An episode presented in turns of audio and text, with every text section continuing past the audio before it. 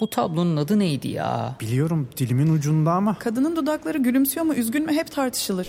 Sadece tablonun adı değil, etrafındaki çerçeve, bulunduğu müze, hakkında çıkan haberler, eserin sahibi ve daha birçok bilgi Samsung Galaxy S24 serisi ve Circle to Search ile dilinin ucunda değil, parmağının ucunda. Galaxy AI ile gelecek işte bu kadar kolay.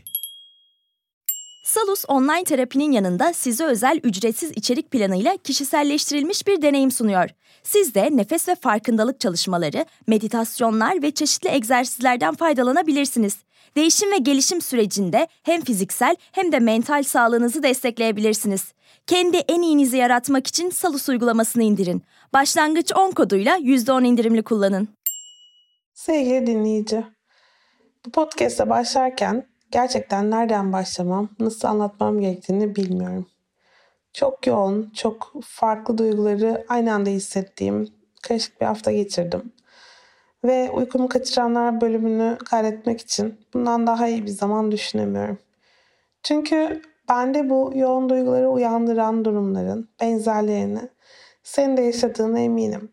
Ve bu duygu paylaşımının hem bana hem de sana iyi geleceğini düşünüyorum. O yüzden hazırsan bu karma karışık podcast'te hoş geldin. Hadi gel başlayalım.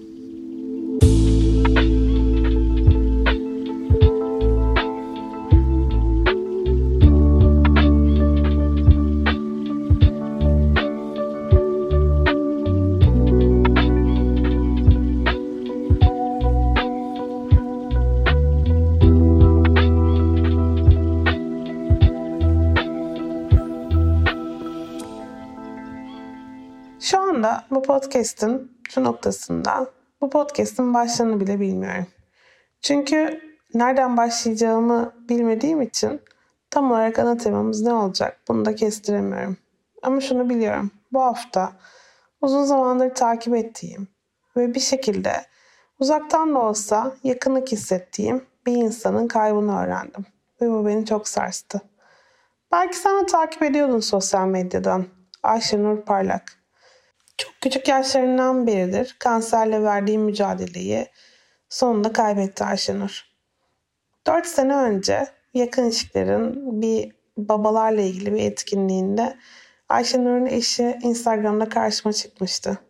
Kısa zaman içerisinde önce kendisini sonra eşi Ayşenur'u takip etmeye başladım. Çünkü bana, eşime, bizim kurduğumuz aileye çok yakın gelmişti onların hal ve tavırları, birbirlerine olan sevgileri, o yakınlık duyguları, bütün mücadeleleri beraber veriyor olmaları. Kızları Ela'nın, kızım Defne'den bir yaş büyük olması. Ama en çok, en çok Ayşenur'un şu hayatı yaşamaya karşı olan duruşu, tavrı ve isteği, heyecanı ne olursa olsun her güne devam etme çabası. Ne olursa olsun gülümsemesi. Ama Ayşenur'la ilgili en çok dikkatimi çeken ve gerçekten belki psikolog tarafımı harekete geçiren duygu sürekli bir sosyal medya linçi altında olmasıydı. Ayşenur'u seven çok fazla insan vardı. Ayşenur'un normal postlarının altında dahi ona olan sevgi serini okumak mümkündü. Zaten çok sevilesi bir insan izlenimi veriyordu daima. Kendisiyle hiçbir zaman yüzle tanışma fırsatı bulamadım. Ama o kadar içten samimi, gerçekten bizim gibi hani sıradan insanlar gibi o sosyal medya influencerları gibi değil de bizim gibi bir insandı Ayşenur. Öyle hissettiriyordu gerçekten.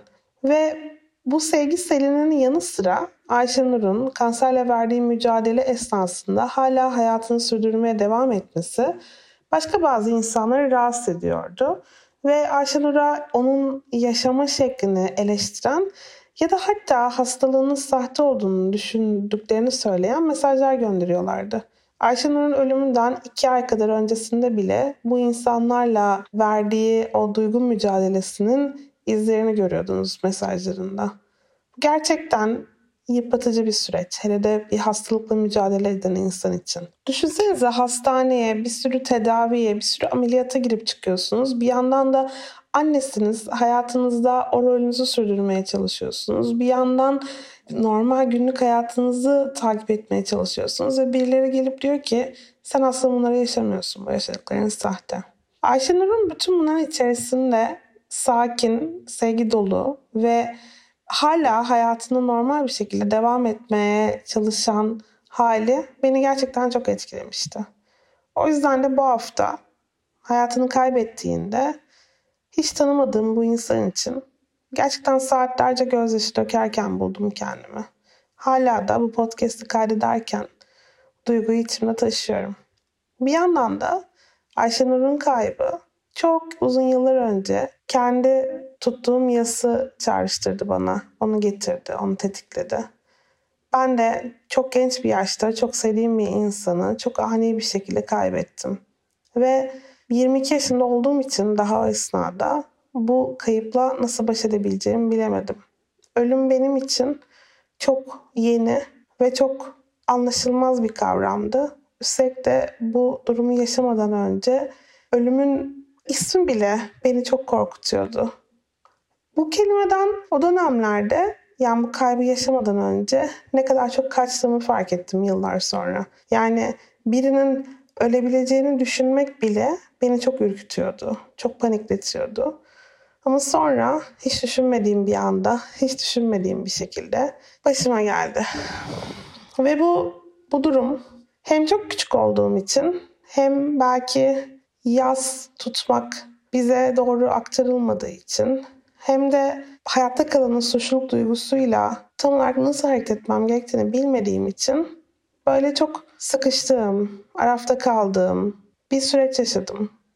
Ama bunları insan o zaman fark etmiyor, çok sonra fark ediyor. Bugün bu podcast'te biraz da bunun hakkında konuşmak istiyorum. Yaz tutmak, insanların dışarıdan yorum yapmaları ve gerçekten o karşılaştığımız bakışlar. Bu birazcık şuradan da aslında sanırım tetiklendi bu podcast'in bu kısmı. Dün ya da önceki gün Ayşenur'un eşi Savaş bir story paylaştı ve diyor ki ben normal hayatıma devam etmeye çalışacağım. Çünkü Ayşenur böyle isterdi. O yüzden de kızımız Ela'yla dışarıda olacağım. Beni görebilirsiniz. Beni gördüğünüzde ne olur o böyle çok üzülen bakışlarla bize bakın. İstemiyorum Ela'ya gelip başın sağ olsun deyin istemiyorum. Ne olur normal davranın. Hani beni görün, bir göz kırpın, gelin sarılın istersiniz. Ama normal davranın. Bu duygu o kadar tanıdık geldi ki bana. Şimdi aslında Ayşenur da, Savaş da, kızları Ela da içimizden insanlar. Bu yaşanan durumda çok fazla sosyal medyada da konuşuldu bütün bunlar. Ve şeyi fark ettim. İnsanlar iştenlikle üzüntülerini belirttikleri noktada bazıları da hiç tanımadığınız insanların ölümüne nasıl üzülebilirsiniz ki? Hiç tanımadığınız insanların başına gelenlere niye bu kadar kahrolabilirsiniz ki gibi yorumlar yapıyorlardı. Bu da beni çok tetikledi sanırım. Çünkü gerçekten bir insan için üzülmek onu çok yakından tanımamızı mı gerektiriyor? Yani bir insanı sadece ismen ya da sadece görüntüsüyle bildiğimizde onun için üzülemez miyiz? Neden mesela ünlü insanlar hayatlarını kaybettiklerinde bazen çok derinden sarsılıyoruz?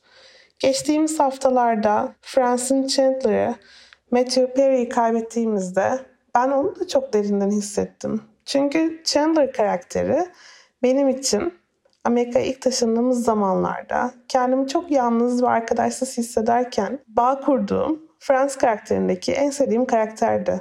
Ve Chandler karakteri benim hayatımda çok büyük bir yeri olan bir insana çok benziyor. O yüzden de Matthew Perry benim için gerçekten her baktığımda böyle yüzünü her gördüğümde sadece Friends'te değil daha sonra başka yapımlarda da yüzünü gördüğümde dahi ben de böyle çok güzel duygular uyandıran bir insandı. Bu arada bunun psikolojide bir yeri de var. Yani biz bir insan bize böyle belli duygular uyandırdığı zaman o insana benzeyen insanlar gördüğümüzde duygu aktarımını yapıyoruz. O yüzden o duygu aktarımını sosyal medyada gördüğümüz ya da televizyonda gördüğümüz insanlarla da yapmamız mümkün tabii ki. Size karışık bir podcast olacak demiştim değil mi? İşte gördüğünüz gibi konudan konuya savruluyorum.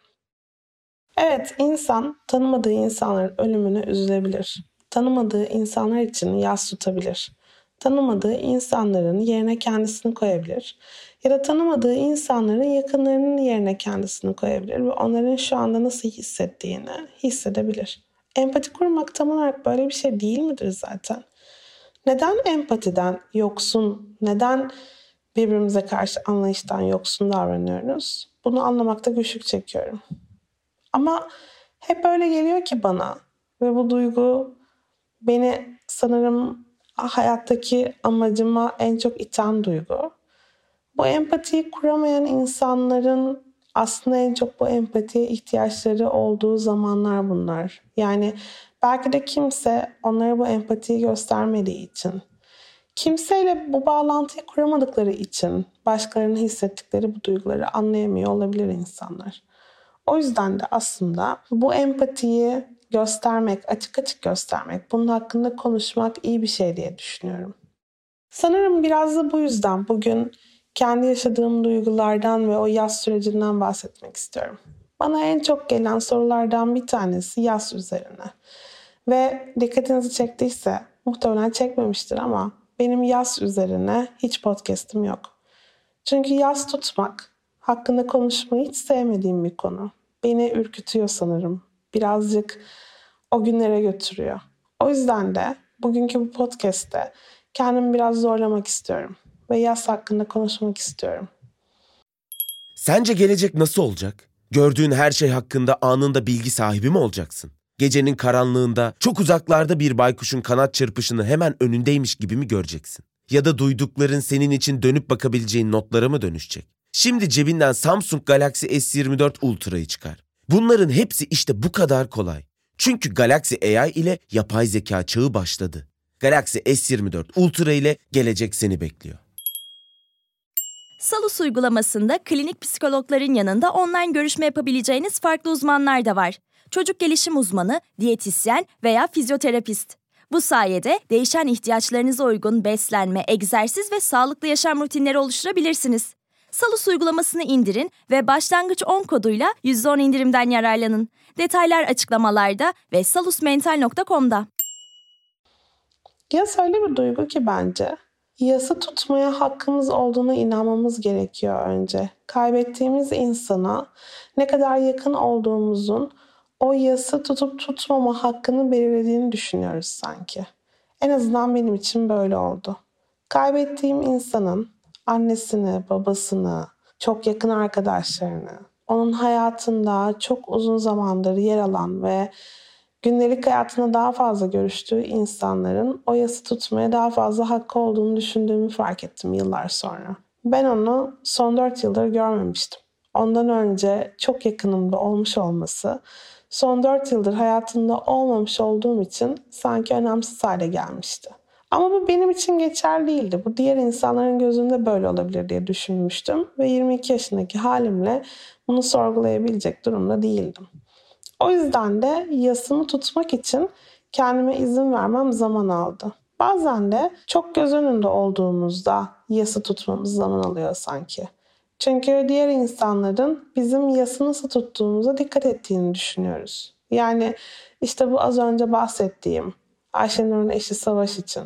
Yani şu anda belki de birçok insan Savaş'ın Ayşenur'un yasını nasıl tuttuğunu gözlemlemesini bekliyoruz. Yani nasıl sürecek bu durumu? Çok ağlayacak mı? Çok mu perişan olacak? Kızıyla vakit geçirebilecek mi? Gülecek mi hiç? Biz onu gülerken görebilecek miyiz? Gülmeye hakkı var mı? Yeni kaybetti daha eşini. Eminim böyle şeyleri söyleyecek insanlar olacak.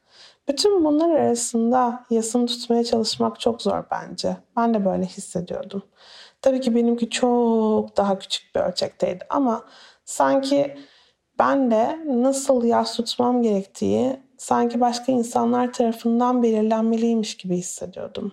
Eğer bu kayıptan bir hafta sonra bir arkadaşımla bir sohbet esnasında kendimi gülerken buluyorsam inanılmaz bir suçluluk duygusu arkasından geliyordu. Ama bu suçluluk duygusu kaybettiğim insan şu anda gülemiyor diye değil de keşke öyle olsaydı. O zaman hiç olmazsa hayatta kalanın hissettiği suçluluk duygusu olurdu bu sanki. Ama benim suçluluk duygum, a biri öldü ve bu insan benim çok sevdiğim bir insandı ve ben şu anda yaz sürecindeyim ama gülüyorum. Gülmemeliyim gibi bir, bir duyguydu. Ve bu yanlıştı aslında. Çünkü gülmem gerekiyordu. Çünkü ben insanım ve karma karışık duygular içerisinde hayatımı sürdürüyorum. Tabii ki gülebilirim. Güldükten bir dakika sonra ağlayabilirim. Ağladıktan bir dakika sonra rahatlayıp derin bir nefes alıp hayatıma devam edebilirim. Ama bunları yapmaya izin vermiyordum kendime. Ve eminim bu podcast'i dinleyenler arasında farklı farklı yaz süreçlerinde olup bu izni kendine veremeyenler de var. Bir insanı kaybettiğimiz zaman o insanla yaşadığımız bütün anılar, o insanı çağrıştıran her şey, iyi, kötü, güzel, çirkin hepsi aklımızda aslında. Ölümün arkasından bütün duyguları, bütün bu karmaşık duyguları aynı anda hissetmemiz mümkün. Yani mesela neden doktora gitmedin ki daha önce? Neden neden kontrol ettirmedin kendini duygusu bende olmuştu arkadaşımın kaybından sonra. Neden bunun daha önce fark edilmesi için bir şey yapmadın? Halbuki onun suçu değildi.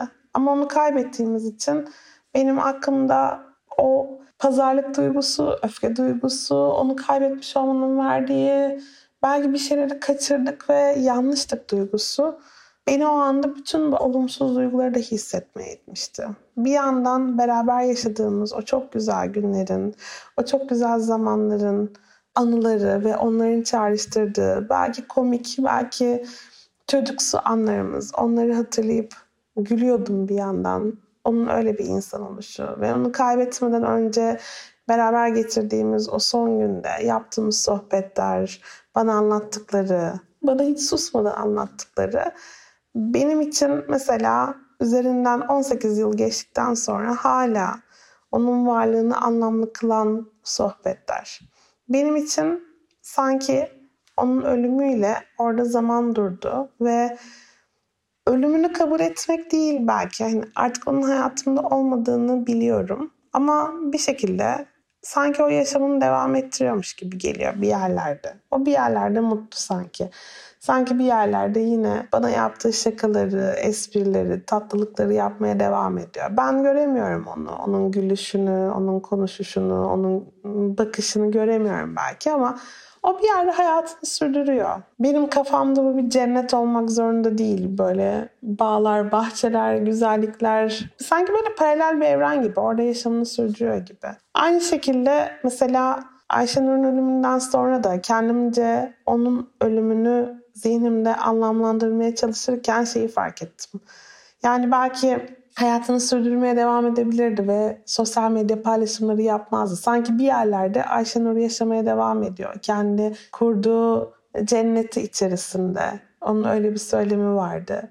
Ve orada o hayatını devam ettiriyor. Sadece biz onu görmüyoruz. O hayal ettiği partiyi veriyor ve orada sevdikleriyle birlikte şu anda eğleniyor. Biz biz görmüyoruz. Orada bunları yapıyor. Sanki yaşam ölüm noktasında bizim için kırılıyor. Biz artık o insanın olmadığı bir şekilde yaşamını sürdürüyoruz ama o insanlar için hayat orada devam ediyormuş gibi. Sanırım benim ölümü anlamlandırışım bu şekilde. Ve onların yokluklarının yasını biz tutmaya devam ederken onlar sanki bu duyguyu hiç yaşamadan bir yerlerde hayatlarını sürdürüyorlar.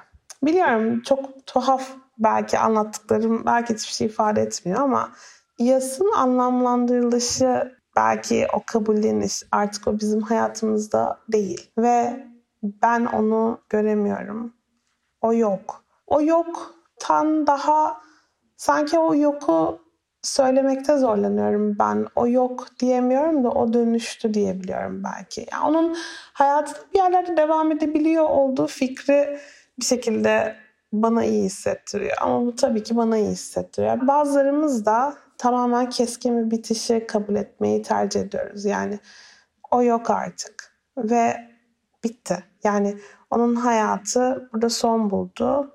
Ben devam etmek zorundayım. Bir de şu var. Sanırım benim kendi adıma beni de bireysel olarak ölümle daha fazla barıştıran bir düşünce. Aslında hiçbir yere gitmiyor oluşumuz. Yani ruh var mı yok mu? Bu tip soruların cevaplarını bu podcast'te konuşmak istemiyorum. Zaten ben kendi adıma bu soruların cevaplarını bilmiyorum. Ama şunu biliyorum. Aslında biz ölsek de bir şey dönüşüyoruz. Bugün ben bu podcast'ı kaydederken çok sevdiğim canım kedim Haydut'un geçen sene kaybettikten sonra onu gömdüğümüz küçük mezarına bakıyorum. Ve o mezarın üzerinde şu anda çok güzel begonviller var ve beyaz kelebekler uçuşuyor. Kim diyebilir ki bana? Haydut'u oluşturan atomlardan bir tanesi o pembe begonvillerin yaprağında değil. Ya da uçan beyaz kelebeğin kanadında değil. Sanki o dönüşüm yani haydutun artık bir kelebeğin kanadında olması, bir begonvilin pembeliğinde olması bana çok iyi geliyor. Çünkü aslında hayatın devam ettiğini, sadece dönüştüğünü, değiştiğini ama hiç bitmediğini ve bitmeyeceğini hissettiriyor bana. Ve böylece varlığım belki ölümle son bulmak zorunda değil. Yani benim varlığım, benim yaptıklarım, benim bedenim başka bir şeye dönüşüyor. Bugüne kadar ürettiklerim, yaptıklarım, hayata kattığım anlam da aslında ürettiklerimle devam ediyor.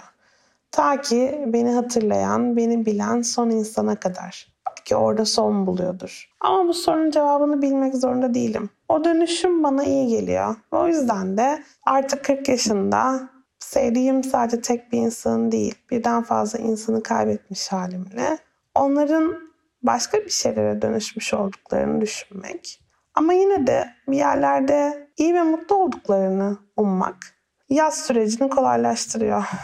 Ama yaz sanki hiçbir zaman tam olarak bitmiyordu. Yani mesela arkadaşımın ölümünden 18 yıl geçmiş haliyle bugün ben yine de onu ziyaret ettiğimde onunla konuşuyorum, onu hissediyorum. Hatıralarını hala zihnimde taşıyorum.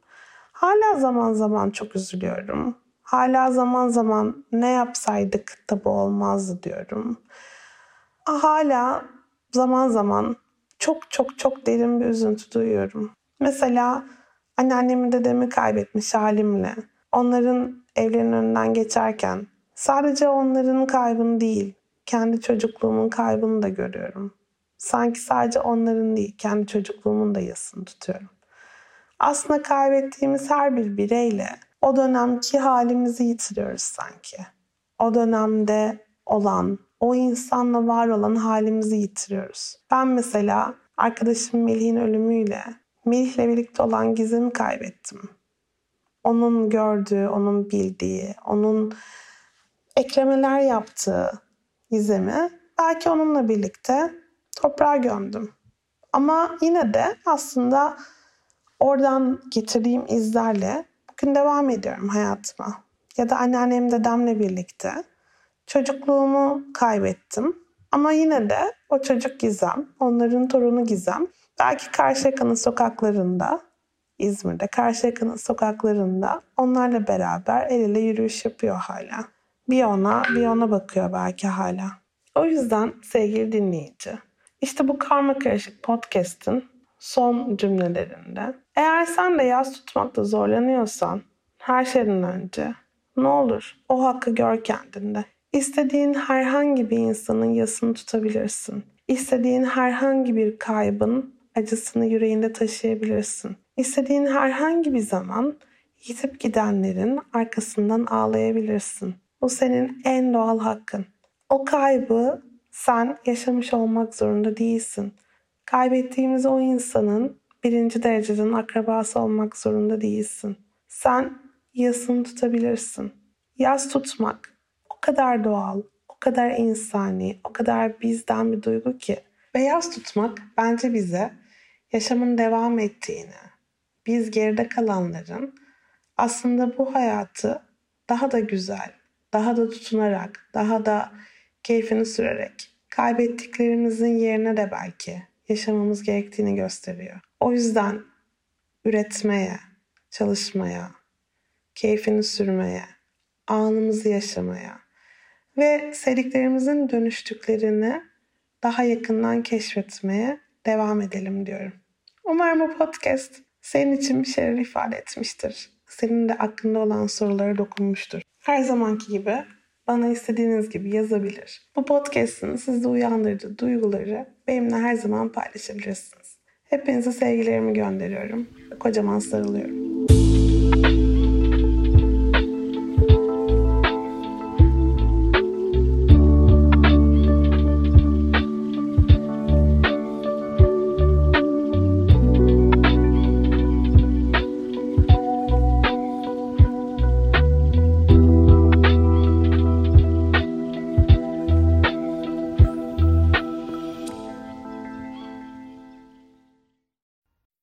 Boğa ve Venüs arasında 120 derece üçgen açılarla desteklenecek. Yeni ay ve devam eden süreçlerde tutumlarımız önem kazanacak. Özetle pozitif olun. Notlarını istediğin gibi özetleyen not asistanı Samsung Galaxy S24 serisinde. Galaxy AI ile gelecek işte bu kadar kolay.